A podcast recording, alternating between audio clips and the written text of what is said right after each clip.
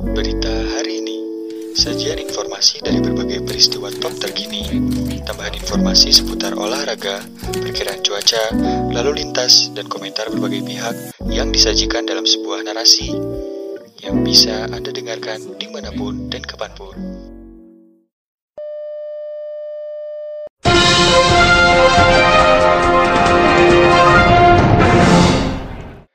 Pemirsa bagaimana perakiraan cuaca hari ini hari Rabu 3 Maret 2021 di sejumlah daerah di tanah air berdasarkan data dari BMKG.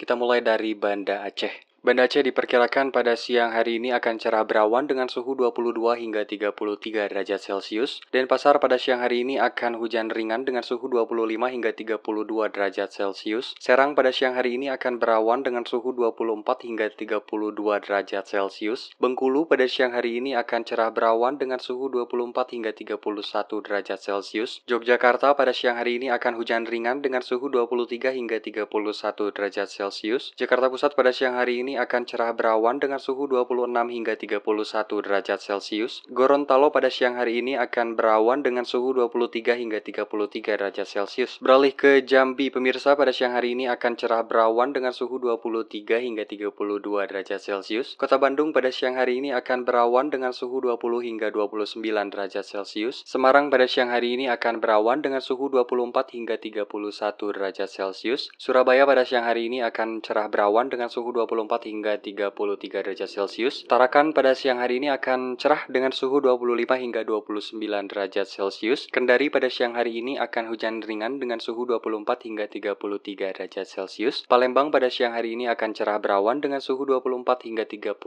derajat Celcius. Beralih ke Medan pada siang hari ini akan cerah berawan dengan suhu 23 hingga 33 derajat Celcius. Pemirsa itulah berita hari ini mengenai perakiraan cuaca berdasarkan data dari BMKG di sejumlah daerah daerah di tanah air. Untuk Anda yang akan beraktivitas di luar rumah, tetap patuhi protokol kesehatan selama COVID-19.